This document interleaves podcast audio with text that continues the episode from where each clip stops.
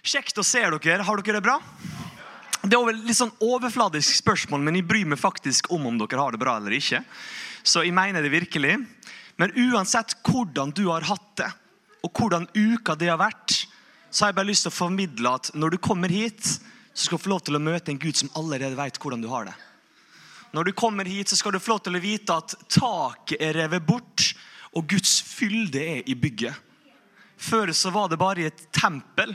Før så var det ved en paktkiste. Før så var det over et fjell. Det var én plass. Men nå i dag så fyller den ånden oss, og Gud er her. Og den er god å ha før vi dykker inn i Guds ord. ikke det sant? Så kanskje vi bare be en liten bønn, og så starter vi med preka. Og så bare inviterer vi Helligånd til, til å møte oss her nå. Kjære Gud, takk for at du sendte din eneste sønn, Gud. Takk for at du valgte å komme oss nær når vi var på avstand. Takk for at du var hellig, og selv om ikke vi var det, så valgte du å sende noen som var det. Du bana vei med Kristus, og når Jesus skulle fære opp til det igjen, så sendte du en annen talsmann. Jesus sa at han ikke skulle forlate oss som foreldreløse, men å sendte en som skulle fortsette hans gjerning. Påminne hans oss ord og hvem han fortsatt var. Du er her, Gud. Du ønsker å ha med oss å gjøre, og du har et evangelium og gode nyheter til alle som ønsker å høre. Til og med alle dem også som ikke har håp har du et levende håp for. Så jeg ber om at du kan få lov til å komme med håp til oss i dag. At du kan få lov til å vise oss hva som ligger i vente for oss i framtida, og hva som kan prege oss her og nå. Og alle sammen sa amen. Vi må nesten si amen med en gang, for det er faktisk noe å si amen for. Her har jeg med et bilde av et kors. Det er ikke jeg som har vært på fjelltur. Kameraet mitt er ikke så bra. Jeg har dessverre ikke et så godt kamera, men i dag skal jeg fortelle om dette temaet her.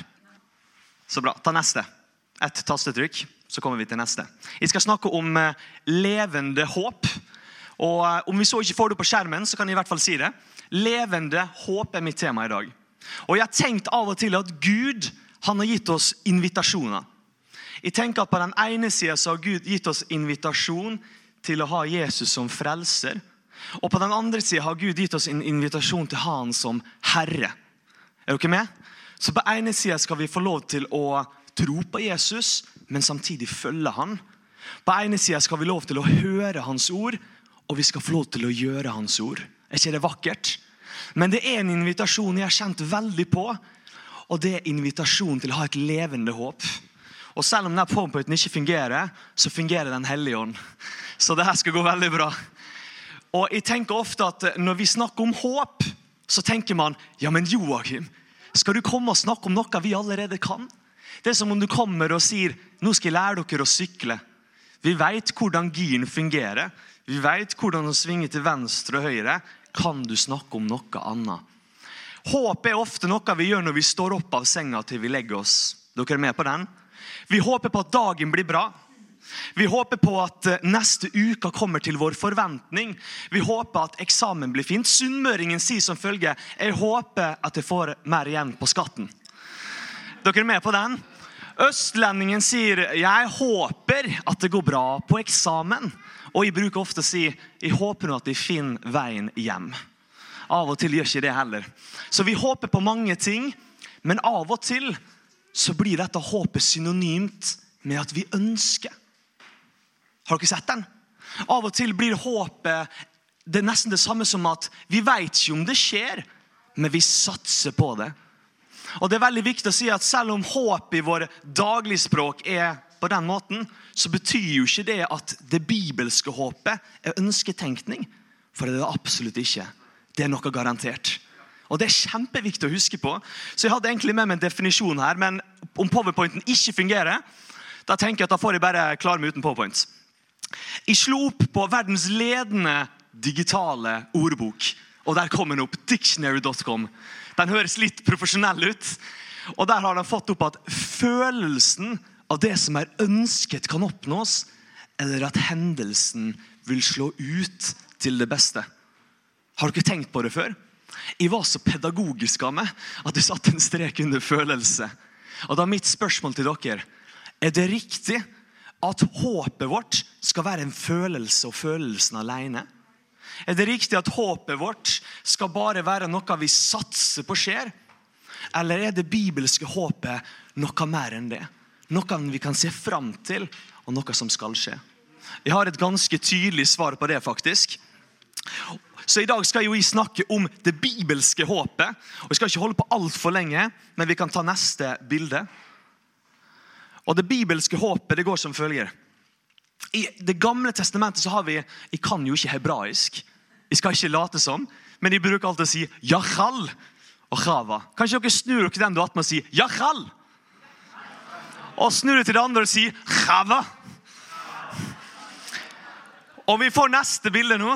Et tastetrykk. Begge ordene betyr hovedsakelig å vente på og være tålmodig. Som dere skal si 'vær tålmodig' til noen, så sier dere bare 'chava'. Jeg er sikker på at de hadde tenkt hva har du spist i dag? Og så tar de et skritt tilbake. Ro det ned, liksom. Chava. Eller så klart 'jachal'. Det høres begge to veldig morsomt ut. Det er gøy med hebraisk. Men det var det gamle testamentet sitt bilde på håp. Men vi er jo også i Det nye testamentet. La oss ta et bilde til. Paulus han skrev så vakkert i eh, Titus brev, kapittel 1, vers 1-2. Om vi får til å skifte, så folk får se. Der, ja. Paulus, Guds tjener og Jesu Kristi apostel, utsendt for å føre Guds utvalgte til tro og til erkjennelse av den sannhet som gir Guds frykt og håp om evig liv. Dette liv som Gud kan, altså, Dette livet har Gud, som ikke kan lyve, gitt løfte om fra evigheten av. Og vet dere hva? Jeg har vært så pedagogisk at jeg til og med har sirkla rundt håp her for å vise at de mener alvor. Paulus mente alvor. Og det beste av alt er dette livet har Gud som ikke kan lyve. Har ikke tenkt på det før? Grunnen til at jeg kan hvile i det håp vi har fått av Gud, er at han kan ikke lyve. Det er imot hans karakter. Om vi begynner å si at Gud kan lyve, da er han ikke lenger Gud. Så når Gud sier noe, når han gir oss en pakt, da holder han det. Er ikke det godt? Så når Joakim Solbakken gir et løfte som han absolutt har lyst til å holde, så er det ikke alltid klarer det. Men Gud, han gjør det. Og ordet her, håp, er ikke som Det gamle testamentet. Ta ett tastetrykk til, så får vi opp eh, Ok, Den forsvant, men da kan jeg si det. Det er det greske ordet 'elfis'. Og det er ikke bare tålmodighet. Hold dere fast. Det er garantien av at det kommer til å skje. Så det kristne håp er ikke ønske, det er en garantert fremtid om en evighet. Det er, ja, takk, Jesus. Amen. Det er en garantert fremtid om noe som kommer til å skje. Og alt finner sin troverdighet på Jesus Kristi døde oppstandelse. Er ikke det fantastisk? Altså, Om noen spør meg Joachim, hvorfor er du så frimodig å dele evangeliet til eh, folk rundt deg, fordi at det er gode nyheter. Fordi at det er for naboen min. Fordi at det er til min muslimske venn som går på universitetet. Det er gode nyheter for alle. Og det syns jeg er herlig. Men ofte når vi snakker om uh, dette håpet her, og når vi snakker om håp i dagliglivet, så hører jeg folk si Joachim, det fungerer kanskje for det, men det er ikke sikkert det er så viktig for meg. Og så har jeg begynt å tenke litt, så har jeg hørt folk når jeg snakker om håp. Og Det er nesten som at folk erkjenner at håp er viktig, men det er da ikke så viktig som du sier. Håp kan gi meg mye, men det kan ikke bety så masse for livet mitt og veien fremover. Og vet du hva? Kan ta neste bilde. Jeg mener ett til. Jeg mener at håpet vi har, som sagt Vi er håpsbaserte vesener. Ta tilbake, du. Vi er håpsbaserte vesener som er drevet av håp. Håp er like viktig for oss som mat. Håp er like viktig for oss som vann. Vi trenger det for å kunne faktisk leve. Og uh, Nå kan vi ta til det bildet. En som heter Timothy Keller, han døde nettopp. Han var en av de kanskje mest fremste bibelunderviserne kanskje i vårt århundre. Han sa dette sitatet her og dette må dere ta til dere. Hva vi tror om fremtiden vår, er en avgjørende faktor for hvordan vi bearbeider, opplever og håndterer omstendighetene her og nå. Har du tenkt på det? På den ene sida skal vi kunne få lov til å se til evigheten. Og vi skal få vite at en dag skal vi se, stå ansikt til ansikt med Gud. Men samtidig skal det få lov til å prege oss her og nå. Er ikke det vakkert? Som gjør at om du i dag her kommer og du har det vanskelig for tida Jeg veit ikke hva det er, men det gjør Gud. Så har jeg lyst til å si at du har et levende håp som kan prege det her og nå. Som kan gjøre at du opplever situasjonen, at du håndterer den, at du kommer deg gjennom den. Jeg er 25 år gammel. Jeg har ikke opplevd altfor mye tungt, men det har jeg likevel. Og dette her har hjulpet meg hele veien. Så det er kjempeviktig å huske på det aspektet. Og Jeg kan gi dere et eksempel. Jeg jobba som tømrer før. Jeg var ikke den beste tømreren. det skal Jeg innrømme. Jeg har gjort det ene og det gale. Om jeg så bare skulle fuge et hjørne på en vegg, så klarte jeg å fuge hele veggen istedenfor. Så jeg, jeg var absolutt ikke den beste tømreren, men jeg var positiv. Og når han Hansi hadde kommet tilbake fra ferie, en av mine gode kompiser på arbeid, en voksen mann, så hadde han eh, hatt tre og en halv uke ferie, og så ser han på meg. 'Jeg har vært i Gran Canaria', sa han. Og sa han etterpå 'Ja, det var godt'. Og så er jeg så bra for det, og sånn 'Ja'. Og så så jeg på han. ja, ja, 'Neste gang du har ferie, da?' 'Nei, det er ikke før jul.' Og så så jeg hvor trist han ble. Han gikk fra glede til sorg på ett sekund. Og så sa han, sa jeg til ham, 'Vet du hva? Jeg har ferie om tre dager.' Da sa han, 'Å, stille med det nå, da'. Og nå kommer det, nå kommer det morsomme. De tre dagene så hadde vi de samme arbeidsoppgavene. Vi hadde den samme belysninga, vi hadde det samme tørre brødet. Vi hadde det samme arbeidsfolka. Og det var ikke så bra, for å si det sånn. Men mens han gikk og var ganske sint og lei, så plystra jeg ned gangene. Jeg sa amen og jeg sa halleluja, og folk lurte sikkert på hva har han gutten drukket. Hva har han hatt i kaffekoppen sin? Kanskje vi burde ta han med til legen. Men vet dere hva? Svaret var jo at jeg hadde noe å se frem til. Om tre dager så hadde jeg ferie. Og vet dere hva? Det er akkurat som han sier. Vi kan være i en eksakt samme situasjon, men fordi at vi har noe å se frem til, så opplever vi på en helt annen måte. Vi klarer å komme oss gjennom lidelsen. Vi skal få kjenne på sorg, vi skal få kjenne på skuffelse. Gud tillater alle våre følelser, men likevel så har vi et anker som får oss gjennom. Kan jeg få et lite amen for det? Et lite halleluja òg? Vi er rette forsamling å spør om det. altså. Det er kjempebra. Jeg var talt i IMF-forsamling i går, og da, da, prøver vi på det her òg. Men her tenker jeg bare sånn, her sier dere det uten at de spør. Så det er jo helt fantastisk. Det er nydelig. Men altså, jeg tenker at det er så viktig at vi erkjenner at håp er viktig for oss. Og håp det kan bety en forskjell. Og Peter han sier i sitt brev, altså en av disiplene til Jesus og en apostel, han sier Lovet være Gud Lovet være Gud, vår Herre, Jesu Kristi Far. Han som i sin rike miskunn har født oss på ny til et levende håp. Ved Jesu Kristi oppstandelse fra de døde til en arm som aldri forgår, aldri skitnes til og aldri visner. Den er gjemt i himmelen for dere. Var det godt å høre? Den skitnes aldri til. Den visnes aldri bort. Den vil aldri forsvinne fra deg. Den er gjemt i himmelen, og du finner den i Jesus Kristus. Åpenbart ved Den hellige ånd. Vet dere hvorfor jeg elsker å stå her og smile til dere? For at dette her er gode nyheter for dere. Det er ikke bare jeg som kommer i dag med en oppmuntringstale som vi er på en fotballkamp og jeg håper at laget skal vinne. Vi har allerede vunnet Kristus. Og vi skal få lov til å ta del i denne seieren med han. Og vi skal få lov til å ta imot et levende håp. Og Det var en gang en kristen leder i USA. Hans navn var James Gordon Gilje. Han skulle til en rutinesjekk hos legen sin. og Mens han var der, så fikk han noen dager senere den fæle beskjeden om at du har en dødelig sykdom. Han hadde fått eh, diagnosert en, en kreftsvulst, og han hadde ikke så mange år igjen å leve. Og Mens han sto der med legen, så måtte han ha noen minutts stillhet. Og så sa han til legen takk for at vi fant ut av dette, så i hvert fall veit det. Men så sa legen ja, men skal vi få en taxi til det for å kjøre det hjem? Så sa han nei, jeg skal gå hjem. Og så sa legen nei, men du kan ikke gå hjem, det er jo ti kilometer. Kan ikke noen kjøre det? Så sa han nei, jeg må ha den tida med Gud. Og mens han går hjem, så begynner mørket å komme på. Stjernen på himmelen kommer fram. Han hører elva som renner i bekkene. Han han ser litt av fjellene i mørket og skikkelsene. Og så sier han som følger.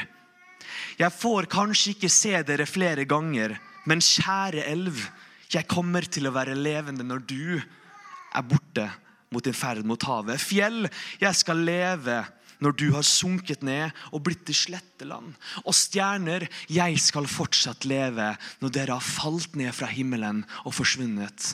For at jeg har evig liv i Jesu Kristi navn, i hans død og oppstandelse. Der har jeg mitt håp. Vet dere hvorfor jeg sier dette til dere? Det er for at jeg vet ikke hvor du er i livet. Og vi har alle ulike omstendigheter, men vi har det samme håpet. Det har ikke noe å si hvor du har vært. Det har ikke noe å si hvor du har vært, men det har noe å si hvor du ankrer fester ditt håp videre. Og det har jeg lyst til å invitere deg til i dag. Jeg har lyst til å invitere deg til å ha en ny dag og et nytt liv der du tar imot et levende håp. En oppstanden Kristus. Grava den var ikke bare tom, men han var oppstanden. Tenk på det. Paulus var, han var, han var fengsla, han hadde håndjerna rundt hendene sine. Han hadde fire vegger som stengte for at han hadde frihet. Han hadde rotta i fengselet som gikk rundt han. Han hadde ikke så mange venner akkurat der, men han uttaler dette håpet tydelig i Filippe-brevet, gledens brev. Å leve er for meg Kristus, og døden er en vinning. Er ikke det bemerkelsesverdig? Vi hører ofte dette her, men jeg tror ikke vi helt tenker over det han sier. Han løfter opp et håp som er over døden selv. Det er deres håp. For meg er det Kristus, og døden er en vinning. Dette kan dere si òg. Dette er til dere. Og så tenker jeg at Han sier jo videre For jeg er overbevist om at den nåværende tids lidelser er ikke for å regne mot en herlighet som skal bli åpenbart den dagen han skulle få lov å stå ansikt til ansikt med Herren selv. Og så forsto han nå er jeg endelig hjemme. Vi er bare reisende her. Reisende på jorda kan være tung, den kan være tøff, vi kan bli slått ned. Og sånn er det. Men en dag skal vi få lov til å stå ansikt til ansikt med Herren selv og forstå at alt var verdt det. Tenk på det. Der sier det vi må være ærlige. Livet er ikke lett, men vi har et håp. Et som puster et som lever, og som finner sin troverdighet i Jesu Kristi navn. Kan jeg få et amen? Amen. Jeg er jo så ivrig, altså, og jeg tenker av og til at uh, dette verset her har betydd alt for meg. Jeg kaller dette ofte for et godterivers. for at Du trenger ikke ha lest mye i Bibelen før du vet at dette her er godt. Dette høres bra ut. Hebreerne 6,19 så sier forfatteren dette håpet er et trygt og et fast anker for sjelen. Når en kaptein skal eh, ankre, så ankrer han ikke på dekk. Det hadde vært litt rart, sant? Da hadde jo båten fælt videre, og mannskapet hadde klødd seg i hodet og sagt hva er det vi holder på med? De hadde mista jobben. Men man ankrer fast til sikker grunn. En grunn som du vet at den vil ankeret holde seg fast i. Og På samme måte skal en kristne ankre fast håpet sitt i Guds ord. Vi skal ankre håpet vårt fast i Jesus Kristus, død og oppstandelse. Og da vil det aldri løsne. Det vil aldri røske bort. Og når vinden kommer og stormen møter oss, så kan det være tungt, men vi vet at vi kommer oss gjennom det. Vi skal stå ansikt til ansikt med Herren selv en dag. Tenk på det. Den første kristne Det er ofte misforståelse at den første kristne hadde korset som symbol. Vi hadde det fra 300-tallet etter Kristus, men de 300 første årene fra Peter sto og med den kjente talen sin på pinsedag, så var det ikke korset. Det var fortsatt sett som et tortursymbol, men det var da et anker.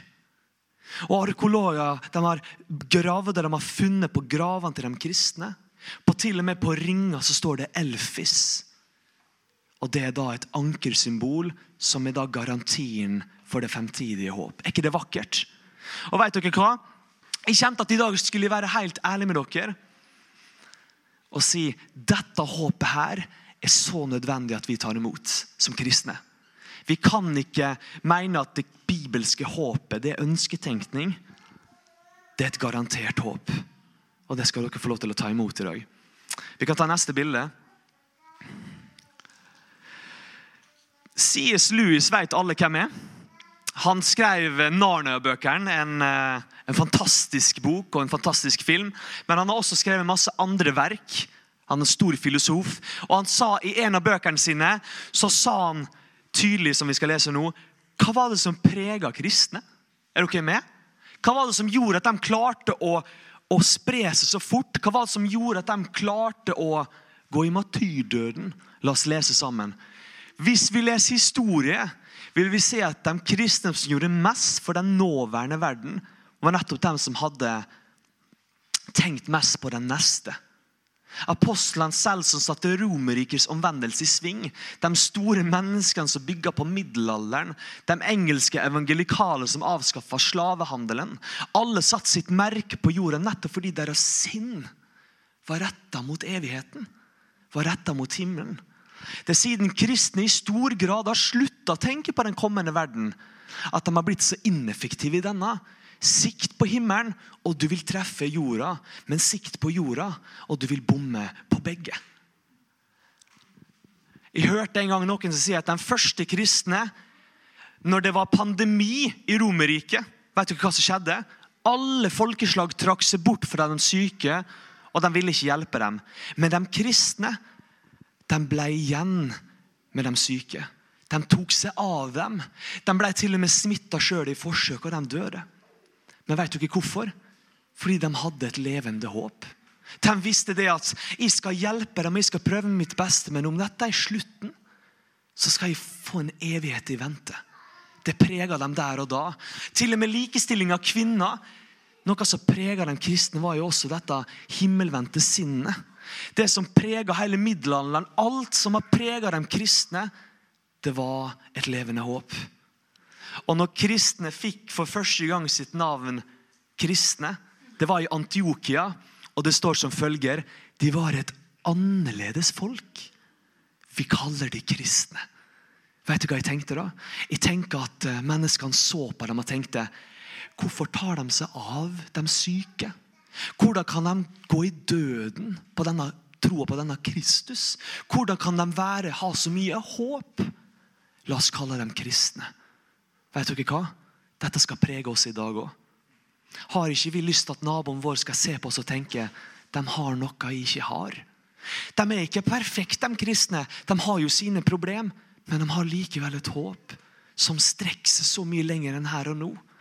Jeg har lyst på det samme håpet. Så dette levende håpet her, det kan være en døråpner for evangeliet for andre mennesker. Har vi ikke lyst til det?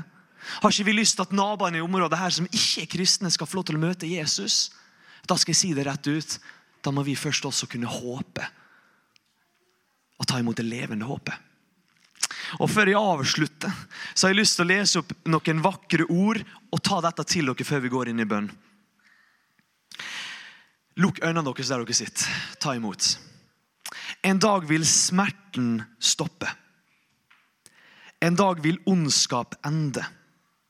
En dag vil urettferdighet bli stilt til dom. En dag er sorgen borte. En dag må selve døden dø. En dag skal vi omfavne dem som gikk før oss. En dag skal vi leve uten sykdom. En dag skal våre spørsmål bli besvart. En dag skal våre hjertes dypeste lengsler falle til ro hos vår himmelske Far i møte med Hans ansikt. Og vi vil se rundt oss og forstå etter den lange reisen endelig er vi hjemme. Endelig er vi hos vår Far. Det er det levende håpet. Ved tro på Kristus så har dere tilgivelse for alle våre synder. Ved tro på Jesu Kristi så har vi fått barnekår. Vi kan se opp på vår skaper og si 'Du er vår far', og vi kan si 'Jeg gleder meg til evigheten'. La oss få med oss flere på veien. Å, Hellige Ånd, kom. Kan vi be, reise oss opp og be sammen? Og noen tenker han Joakim han bruker av og til å ha litt sånne flere historier. Vet du hva? Jeg hadde, jeg hadde Guds ord til dere i dag. Jeg har lyst til at dere skal ha ei verktøykasse når dere går ut herfra. Sånn at når dere kommer i en situasjon der det er tungt, så kan dere ta opp dette håpet her. Og dere kan få lov til å se fremover. Og dere skal komme dere gjennom situasjonen.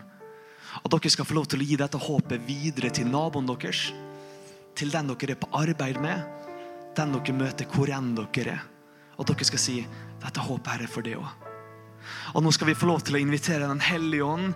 Den hellige ånd har som oppgave å lære oss og minne oss på Jesu ord, og samtidig det å, å åpenbare dette håpet for oss. Skal vi invitere Hellige ånd? Kjære himmelske Far. Veien den kan være tøff, Gud. Vi kan miste den vi er glad i. Sykdom kan ramme oss. Verden kan slå oss ned så vi nesten ikke klarer å reise oss opp igjen. Sånn er livet. Men ingenting skal ta bort det levende håpet vi har i det Jesus Kristus. Det håpet som aldri visner bort, aldri forgår. Det håpet som aldri råtner. Det håpet som er gjemt i himmelen for oss, og som finner sin troverdighet i den oppstandende Kristus, som gikk i døden for oss, og som vi finner vår tilgivelse i, og det evige liv. Og kjære Gud, grava den var tom, og du var oppstanden, Jesus og vi finner vårt håp hos deg. Jeg inviterer deg, Hellige Ånd, til å åpenbare det for oss nok en gang i dag. Jeg ber om at det skal prege livet vårt. Jeg ber om at du skal få lov til å fylle oss. Vi er tempel for deg, Gud. Og jeg ber om at dette tempelet vi er, som er bygd av levende steiner, det skal få lov til å være bærer av håpet. Vi er håpsambassadører i en verden som har mista håpet. Vi er håpsambassadører i en verden som er slått ned på så mange nivå. Og vi skal få lov til å peke på det, Jesus. Hellige ånd, fyll oss. Om det er noen her i dag som kjenner at det var tungt å komme hit, og som trenger bønn, kjære Gud, du ser dem. Og nå ber jeg om at alle her skal få ta imot håpet nok en gang. Et pustende, et levende håp i det, Jesus. Og jeg ber om at det skal prege oss og resten av nabolaget i området her, så flere får et radikalt møte med det, Jesus. I Faderen og Sønnen og Den hellige ånds navn. Jeg velsigner hele menigheten her med dette håpet her. La det prege oss i hele livet og utover til evigheten som kommer. Vi gleder oss til å stå ansikt til ansikt mot det Herre. Men akkurat her og nå skal vi få lov til å møte alt sammen med det. Og alle sammen sa Amen. Og Gud velsigne dere, altså. Gud velsigne dere. Nå skal vi få lov til å gå inn i lovsang. Og så tenker jeg at Når vi går inn i lovsangen nå, kan vi få lov til å rette oss fokuset på Guds karakter. Og så kan vi få lov til å takke Gud. Senk skuldrene dine. Du skal ikke trenge å prestere noe her. Du skal ta imot av en Gud som har gitt deg alt. Et levende håp. Du er invitert til å ta del i det levende håp. Gud velsigne dere rikelig. Amen.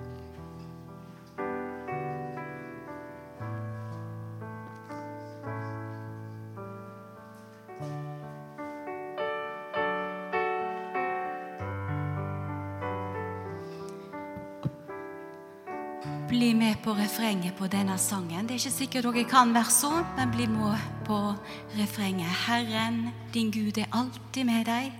Herren velsigne deg. Herren bevare ditt liv.